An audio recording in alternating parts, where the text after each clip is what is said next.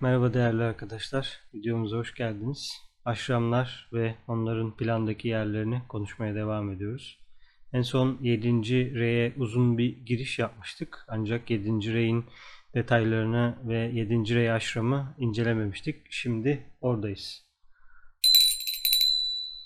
Evet. 7. R'ye aşram ve plandaki görevleri.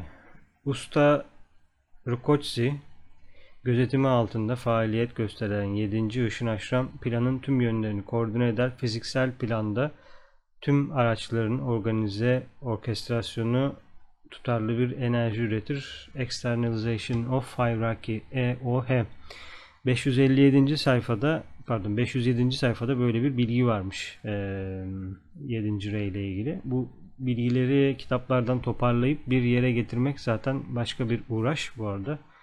Onu da paylaşmak isterim. Çünkü farklı farklı yerlerde, farklı farklı e, kısımlarda geçiyor.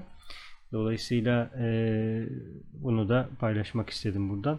7. reyin asıl konusu burada gördüğümüz gibi bakın 3. E, reyin altında yer alıyor. Yani Mahaçoğan departmanının altında yer alıyor ve burada önemli olan 3 ana yön var ve 4 nitelik var. Yani 3 ana yön kırmızı, mavi ve yeşil.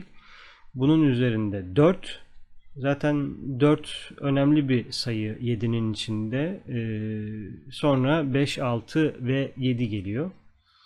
Dolayısıyla 3'ün neden altında olduğu, neden direkt başka birimlerin altında olmadığı güzel bir soru.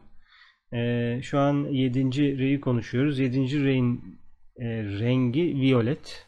E, mor değil arkadaşlar. Mor farklı bir renk ee, içinde daha karanlık unsurlar olduğu için daha, daha doğrusu koyu olduğu için e, hiyerarşi ve e, üçüncü ve dördüncü seviyedeki e, inisiyeler, öğrenciler o rengi üretmiyorlar. O yaptıkları eylemler sonucunda düşünceleri, hareketleri, tercihleri ne derseniz böyle bir renk onlardan çıkmıyor. Onlardan çıkan renkler violet, parlak violetler, aydınlık ışıklı violetler.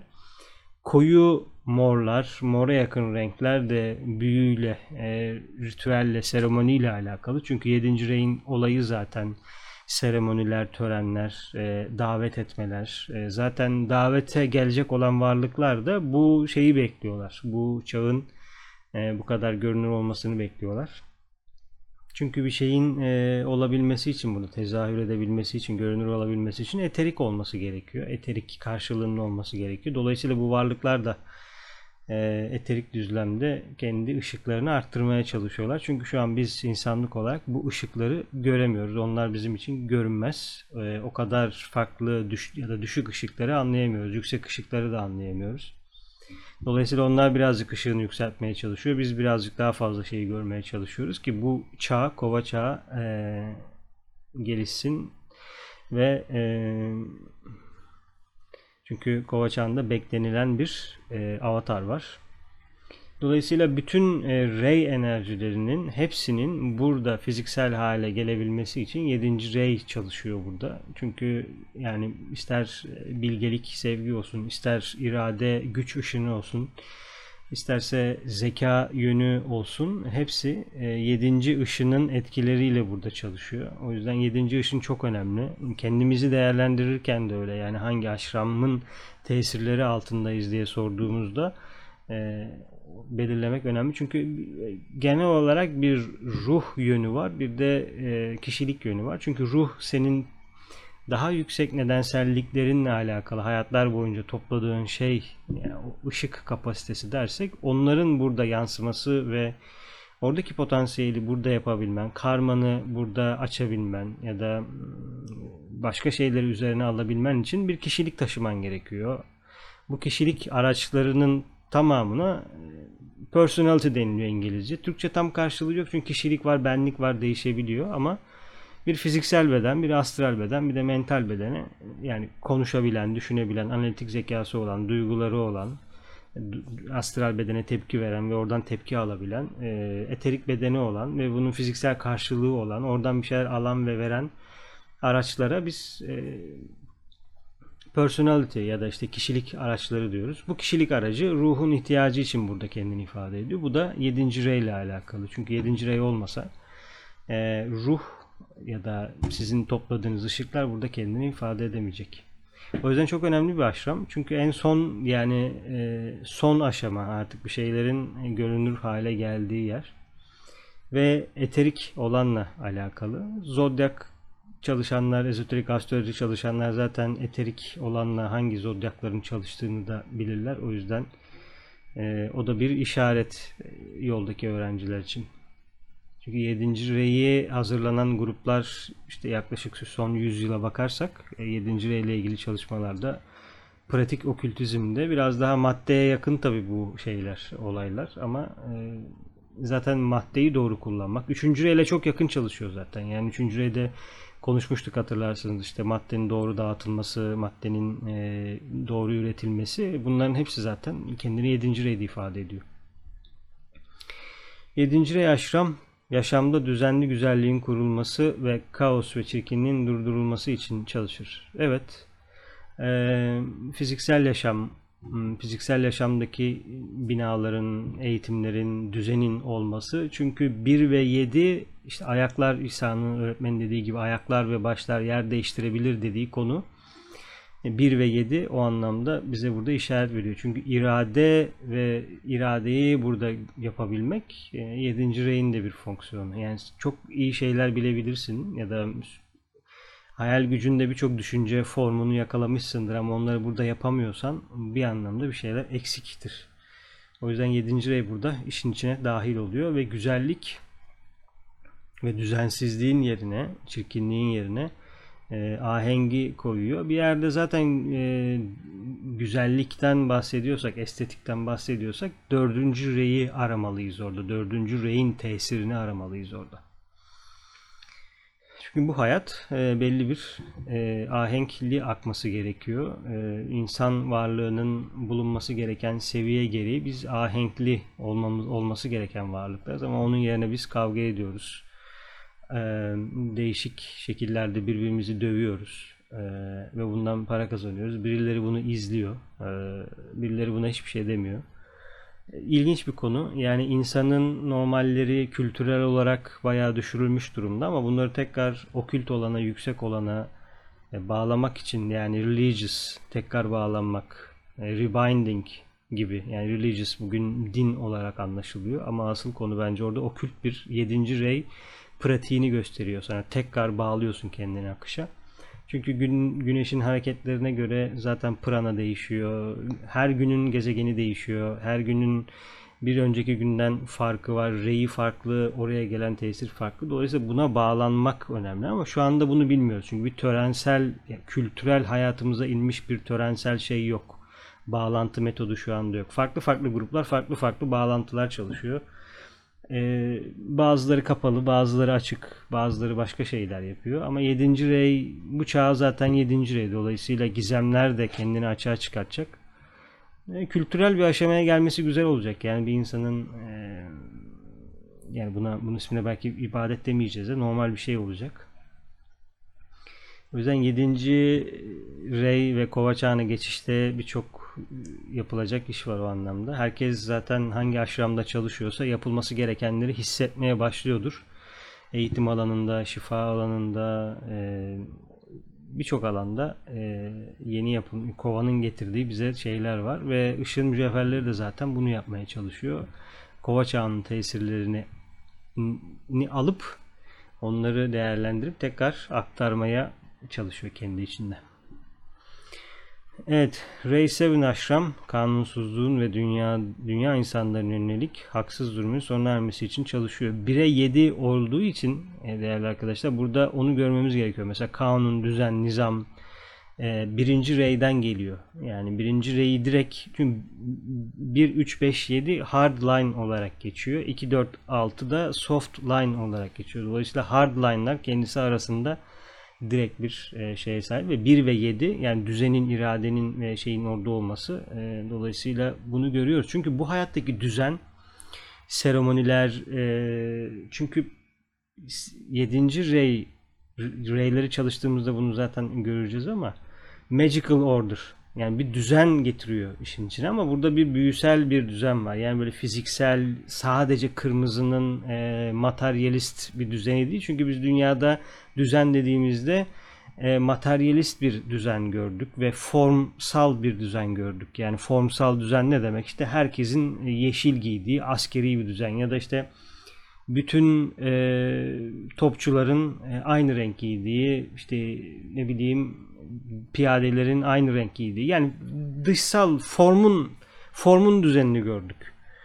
İşte futbol takımları e, aynı şeyde ama bu form yani bunun bu düzenin belki de başlangıç seviyesi o anlamda. Bunun üzerine şimdi geçmeye başlayacağız. Daha başka eşitlikleri de e, gayret edeceğiz. Aslında doğada bu eşitlikler birazcık var. Mineral krallığı diyoruz. Bitki krallığı, hayvan krallığı. Belki o krallıklarla da biraz daha şuurlu çalışmak olabilir. Mesela işte ilk yapacağımız şey hayvanları yememeyi tercih etmek olabilir alalım bağrımıza basalım demiyorum. Onların doğası, krallığı ayrı tabii ki ama biz yiyen konumda mı olmalıyız? E, o güzel bir soru bence. E, çünkü insan hedefine göre beslenmeli. Hedefi neyse ona göre beslenmeli. E, yani hayvanların birbirini yemesi bir gözlemken insanın hayvanı yemesi ya da hayvanla beslenmeyi tercih etmesi ne olabilir? Ee, iyi bir soru. Ee, ve bu bunun kültürde normalleştirmesi de bir ilginç konu gerçekten. Ee, yani çünkü beslenmemize bakarsak mesela çoğu şey şekerli, e, çoğu şey etli, çoğu şey buğdaylı. E, yani doğada normal halde yetişen bilmiyorum 200 tane bitki varken, ot varken ama ticari olarak ben seni seni satıyorum, işte marulu satıyorum, rokayı satıyorum, naneyi satıyorum, dereotunu satıyorum, işte semizi satıyorum diye 200 tanesini atıp sadece 5-6 tane otla beslenmeye başlayınca zaten e, aldığımız şey de çok az olmaya başladı. Yani insan etrafına ticari olarak baktıkça işte sen seni sen bana para kazandırabiliyorsun, ben seni ekeceğim 200 dönüm sadece badem ekiyorsun. Niye? İşte tek tip tarım yapıyorsun. Çünkü ben oradan alacağım. Sonra hastalıklar geliyor. Birçok yani doğada teknik var mı? Çok değişik ekolojik çiftlikler var bu arada. Tarlalar var.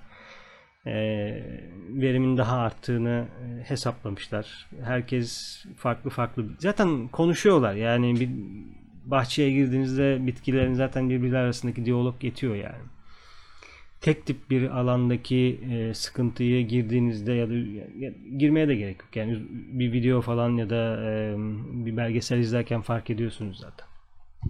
O tek tiplik bizdeki bir sorun. Mesela yine video izleyenler denk gelmiştir. İşte Çin'de e, Çin'de görmüştüm en son. E, bir tavuk çiftliği. E, evet doğadalar ama e, o kadar çok tavuk var ki. Yani bir alanda tek bir cinsin bu kadar fazla bulunması ve insanın iradesiyle bunu devam ettirmeye çalışması çünkü bunun arkasındaki tek neden senin ondan para kazanma nedeni. Yani sen bir para kazanmak istediğin için doğayı o şekilde manipüle ediyorsun ama bunun dönüşünün farkında değiliz yani. Ama bu da bir aşama. Yani bundan sonra zaten bunun yürümediğinin farkına vardıkça başka bir yerlere doğru geçiyoruz. İşte burada şu da önemli. Diyelim ki Çin'in bir ülkesindeki bir çiftçi bunun farkına vardı. Ee, Endonezya'daki başka bir çiftçi farkına vardı. Çin'deki 10 yıl sonra farkına vardı. Endonezya'daki de 10 yıl sonra farkına vardı. Yani herkese o kadar çok tolerans gösteriliyor ki burada karma. Yani dünya anasının ne olacak peki 10 yıl boyunca o Çinli, Endonezyalı ya da Türkiye'deki ya da dünyanın herhangi bir yerindeki çiftçi o yaptığı şeyin yanlış olduğunu anlayıncaya kadar açığa çıkan karanlığı kim temizleyecek? Astralight'taki o kirlilik kimin sorunu? Kim alacak bunun üzerinde? Adamda zaten öyle bir hassasiyet olsa ya da kadında onu yapmazdı ama günün sonunda ya da işte 10 yılın sonunda açığa bir şey çıkıyor ve sen aydınlanıyorsun ama arkanda bıraktığın karanlık var. Sen bireysel olarak onu üzerine alsan da ortada başka bir şey var. Yani ortada bir karma var ve bu hepimizi etkiliyor. O yüzden e, her ne kadar konu para kazanmak da olsa e, bunu uslayamıyorsun. Yani işte para kazanmak için şunu şunu yaptım diyemiyorsun. Çünkü e, etkiliyor.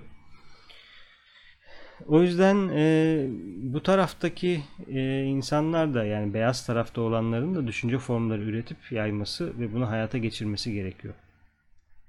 daha yüksek bir alandan daha yüksek e, müzikler, şarkılar söylememiz gerekiyor. Çünkü 7. rey geliyor ve 7. rey geldiğinde yeni bir e, rey geldiğinde bir şeyler oluyor. Eskiyi ortadan kaldırması ve yeniyi oraya koyabilmesi için bir şeylerin değişmesi gerekiyor. O yüzden önemli bir konu. Yani 7. reyi fark etmek. Tabi kova çağı da e, 7. rey ile birlikte gelmesi bizim için de ayrı bir işaret. Bu bilgelik e, önemli bir bilgelik ve açılmak istiyor. Çünkü kovayı ne kadar iyi anlarsak balığı o kadar iyi anlarız ve balıktan o kadar kolay ayrılırız. Çünkü şu an balık bizim için çok normal. Kültüre geldi artık 2000 yıl boyunca artık kültürün her aşamasına geldi ve böyle eğitiliyoruz, böyle yaklaşıyoruz, böyle anlayışlar geliştiriyoruz.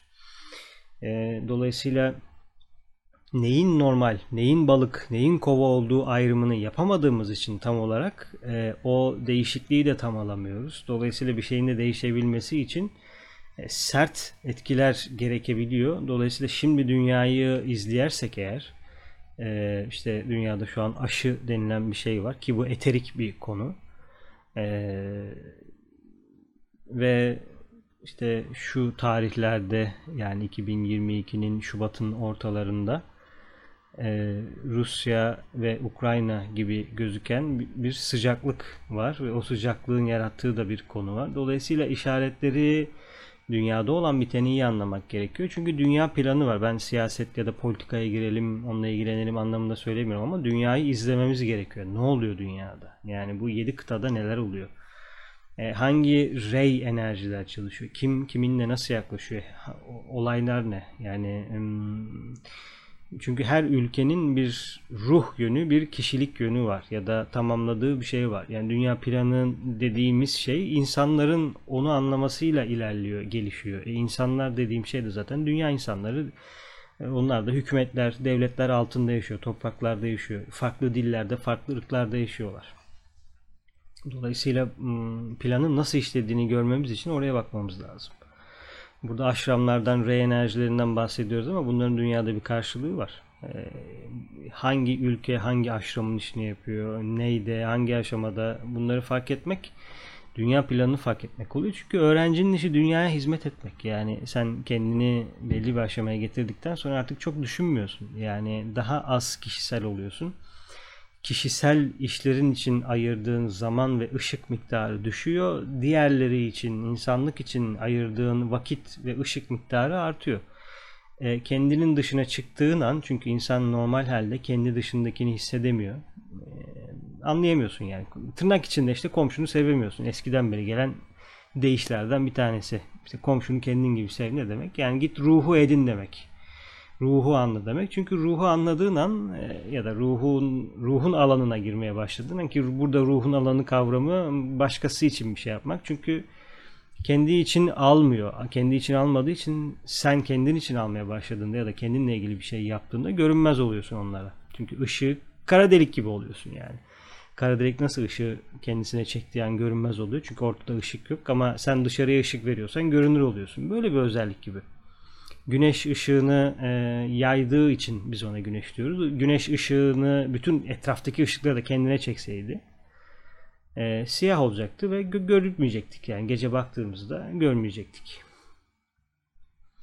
O yüzden e, biz ruhu, ruh denilen şeyi deneyimlemek için başkalarına hizmet ettiğimizde, başkaları için e, vermeye başladığımızda ve bu miktar artmaya başladığında yani günün 24 saatinin uzun bir süresini e, başkalarına verdiğin an artık sen ruhun ışıklarının altına giriyorsun. Yani farklı farklı sokaklanmaları düşünün mesela. Artık sen o sokaklanmasının altına giriyorsun ve o alana girdiğinde o bilgiler de sana gelmeye başlıyor. Yani doğa sende konuşmaya başlıyor, insanlar sende konuşmaya başlıyor, etraftaki varlıklar sende konuşmaya başlıyor. İnsanları hissetmeye başlıyorsun. Aileni hissetmeye başlıyorsun. Çalışma arkadaşların kafanın etrafında belirmeye başlıyor. Onların görüntülerini görüyorsun ya da hislerini duyuyorsun. Bir şey sorduğu an fark ediyorsun. Birisi bir şey olmadan önce tak diye onun görüntüsü hisleri geliyor. Yani bunlar kitapta yazılan şeyler olduğu için böyle anlatıyorum. Yani yoksa bu konuşan kişinin e, CD'leri ya da işte şunlar şunlar oluyor anlamında söylemiyorum. Yani ruhun alanına girildiğinde referanslarımıza dair yani eğer siz karşı tarafı hissediyorsanız ya da öyle bir şeyleriniz varsa diye paylaşmaya çalışıyorum. O yüzden 7. rey bir düzen getirecek. Yani e, dünya bahçe olacak. E, o bahçenin nasıl olacağı da zaten bunların içinde gizli ve insanlık da yani oturup çalışmamız gerekiyor insanlık ailesi olarak bu kadar. Kova çağına yönelik şeyleri çalışmamız gerekiyor ve balığı bırakmamız gerekiyor. Korku, ayrım, e, işte otorite, işte yani işte hocaya soralım, işte bir otoriteye soralım, bir guruya soralım değil. Kendi kendine sorup kendi kendine çalış. Yani öğrenciye reçete ver, bir verdin, ikincisinde yine mi reçete ya da cevap vereceksin. Öğrenci kendisi çalışmalı özgür olmalı. Özgür olmalı ve seçmeli. Korkusuzca seç. Korku korkuyla bir işim çünkü korkunun rengi çok kötü bir renk. Yani korku nasıl ışıyacaksın ki korkunun altında ifade edemiyorsan yani. Evet, e, yeni çağ bilgeliğine ihtiyacımız var değerli arkadaşlar. Bu ihtiyacı hissedenler zaten hareket ediyor ama e, yeni çağı anlamak için kültürün dışındakine girmemiz gerekiyor. Yeni çağ e, subjektif bilgilerle hedefin karartıldığı değil, hedefin açık olduğu, insanları özgürleştirdiğin yerlerdir. O yüzden bu ayrımı yapabilecek e, aklın alevlerini de taşımamız gerekiyor. Çünkü sulu doğa e, duygularla ilerlediğini varsayıyor ama ne kadar ilerliyor ondan emin değilim. Sermaye ve emek arasında doğru ilişkilerin kurulması 7. ışın aşramının hedeflerinden biridir. Yani şu zaten hiyerarşinin dışsallaşması kitabı yani EOH denilen kitap e, 1949'da yazıldı. E, Master DK'nın Alice Bailey'e verdiği son kitap e, diyebiliyorum. E, 24 serilik bir kitap yazıyorlar. E, başlangıç e, Initiation Human and Solar olacak sanırım ve yaklaşık 24 e, sene e, boyunca çalışıyorlar Alice Bailey ile. Yani ama ayrı bir yeri var hiyerarşinin dışsallaşması kitabının. Çünkü hiyerarşinin izini takip etmeye çalışan dünya öğrencileri var. E, dünya öğrenciler hiyerarşinin izini nasıl takip edecek? Yoksa kayboluyorsunuz. Yani vakit gidiyor. Yani anlayamıyoruz nerede ne olduğunu. Ha bunun hangisi hiyerarşi, hangisi? Çünkü öyle bir aydınlığın içindeyiz. Kültür etrafımızı sarmış, normaller etrafımızı sarmış. Göremiyoruz o anlamda bir şey. O yüzden e, işte sermaye ve emek arasındaki doğru ilişkinin kurulması. Bu e, 7. reyin de olduğu, 7. reyin de girdiği bir alan ama burada düzenin kurulması. Yani bir yerde düzen var, bir şey kurulmaya başlanıyor, bir organizasyon var, bir tören var, bir şey yapılıyor. Orada hemen 7. reyin etkisini görmemiz lazım. Dolayısıyla Kova çağında yeni gruplar, e, grup bilinci, grup gelişmesi, grup inisiyasyonu, grup hedefleri, grubun para kazanması, ee, ama bu kimsenin kimseyi dolandırması anlamında değil. Yani biz grup için çalışacağız, grup da bize çalışacak. Yani birlikte çalışma hali ama bu bir otorite halinde birisinin bildiği bir şey yaptığı, insanları düzlediği bir şey değil. Şeffaf, açık bir şeyler ortaya gelecek, ortadan alınacak ve grup kendi dinamikleri çerçevesinde ilerleyecek. Çünkü grup dediğimiz şey de günün sonunda e, grubun çalışmalarıyla oluşan özel bir varlık. E, bu, bu da önemli bir konu. Yani grup çalışmalarında grup dediğim yani grup bize bakacak dediğimiz şey ne? Yani bu önemli bir konu. Yedinci ışın aşramındaki işçiler paranın ilahi kullanım ilkesiyle kendilerini tüm zihinliğe etkimeye ederler. Disciple of New Age, Dina 2, 221-222. İnanılmaz bir konu. Yani ee, bazı yerlerde siyasi partilerin ya da e, siyasi e, hareketlerin de içindeki kavramlara burada değiniyor olabilir. E, ama bunları ilahi ve e, insanın daha yüksek doğasıyla bağlıyor. Yani paranın para zaten madde tarafı, madde madde demek e, maddeyi yapanlar var, yapıcılar var. Yani biz o yapıcıları kendi amaçlarımız için diğer insanları belki domine etmek, belki de istediğimizi bastırmak için kullanırsak bu ilahi amaç için olmuyor. Çünkü madde Maddenin dolaşımı burada bizim için var. E, ve madde üzerinden insanlara bir şeyler yapmak. E, zaten sonra o karmalarda yansıyor kendilerine. Şimdi madde şöyle dolaşmalı, böyle dolaşmalı demeyelim bir daha. Zaten hepimizde belli bir bilinç var. Ancak burada bizim için e, yoldaki öğrenciler için kıymetli olan şey paranın, maddenin e, ilahi amaçlar için kullanılması. Çünkü ilahi bir amaç var. İlahi bir neden var. E, mesela işte Avatar gelecek olandan bahsediliyor her yerde. Bu gelecek olan geldiğinde diyelim ki bir okul kurulmak istediğinde e, diyelim işte taştan bir bina yapılmak istiyor ya da ahşaptan ya da neyse e, bunun bir maddi karşılığı olacak. Yani bu, bu gayet o anlamda bir gerçeklik ve bu üçüncü ve yedinci reyin de bir gerçekliği. Yani onların konu sorunu ve bu bu alanda çalışan e, kişiler, üçüncü ve yedinci rey altında çalışan öğrenciler, inisiyeler e, YouTube'da videolar çekiyor olabilir. Ekonomi dergilerinde yazı yazıyor olabilir. Ekonomi profesörlerinin meditasyonlarını tohumluyor olabilir. Ee, ekonomi profesörlerine düşünce formları yolluyor olabilir ya da yeni gruplara düşünce formları yolluyor olabilir. Mesaj basit. Para çoğunluk için kullanılmalı. Para yüksek amaçlar için kullanılmalı. Para şu şu olmalı ve bu sana artık mantıklı gelmeye başlıyor ve bunun yollarını arıyorsun. İnsanlarla bir araya geliyorsun. 10 tane 20 tane farklı düşünce formları bir araya geliyor. Bir topluluk oluşuyor. Sonra bu topluluk bir araya gelip başlıyorlar bunları deneyimlemeye. Bunun gibi. Yani aşramların çalışması aslında bir süre sonra fark ettiğimizde çok e, bizi e, çok güzel hizalıyor. Çünkü biliyorsun orada hangi düşünce formunun sana geldiğini. Yani evet bu sefer kendi aşramını da anlıyorsun. Kendi re enerjini de anlıyorsun. Sen de birinci rey o kadar çalışmıyor olabilir ama daha çok yedinci reydesin düzen, organizasyon. Bunun tabii ki bir dünya yönü var, bir de yüksek yönü var. Yani her organizasyon bu demeden önce bir gözlememiz gerekiyor tabii ki bu. Bir sonraki sayfaya geçelim. Yani genelde seremoni, tören, büyü konusu olduğu için e, insanlara birazcık şey geliyor olabilir, böyle farklı anlama olabilir. Aslında günlük hayatın içinde olan bir konu. Yani bu bir şeyleri materyalize etmek, bir şeyi çağırmak, tezahür ettirmekten ziyade insanlığı çünkü fiziksel düzlemde yaşıyoruz yani eterik düzlemde yaşıyoruz. Bunun yukarıya çıkartmak, insanlığı inisiyasyon basamaklarına yükseltmek. Çünkü dünyanın da bir planı var. Dünyanın planının içinde inisi yani toplu inisiyasyondan bahsediyor Master Deka. E bunun olabilmesi için de bu dünyanın hazır olması lazım. Dünyanın hazır olabilmesi demek de 7. reyin işleri demek. Yani tapınak kurulacaksa bu fiziksel bir şey. Bu 7. reyin sorunu. Tapınaktaki insanların nasıl eğitileceği de 2. reyin sorunu. Maddenin nasıl doğru dağıtılacağı gibi konularda 3. ve 7. reyin konusu. İrade, e, hedef 1. reyin konusu. Yani ikinci reydeki insan ya da ikinci rey aşramının asıl derdi irade, plan olmayabilir o anlamda. E, o yüzden e, biz de düşüncelerimize katmanları da koyalım. Yani diyelim ki e, bir şey yapmak istiyorsunuz. Bir defa bunun birinci reyde bir karşılığı olmalı. Amacı ne?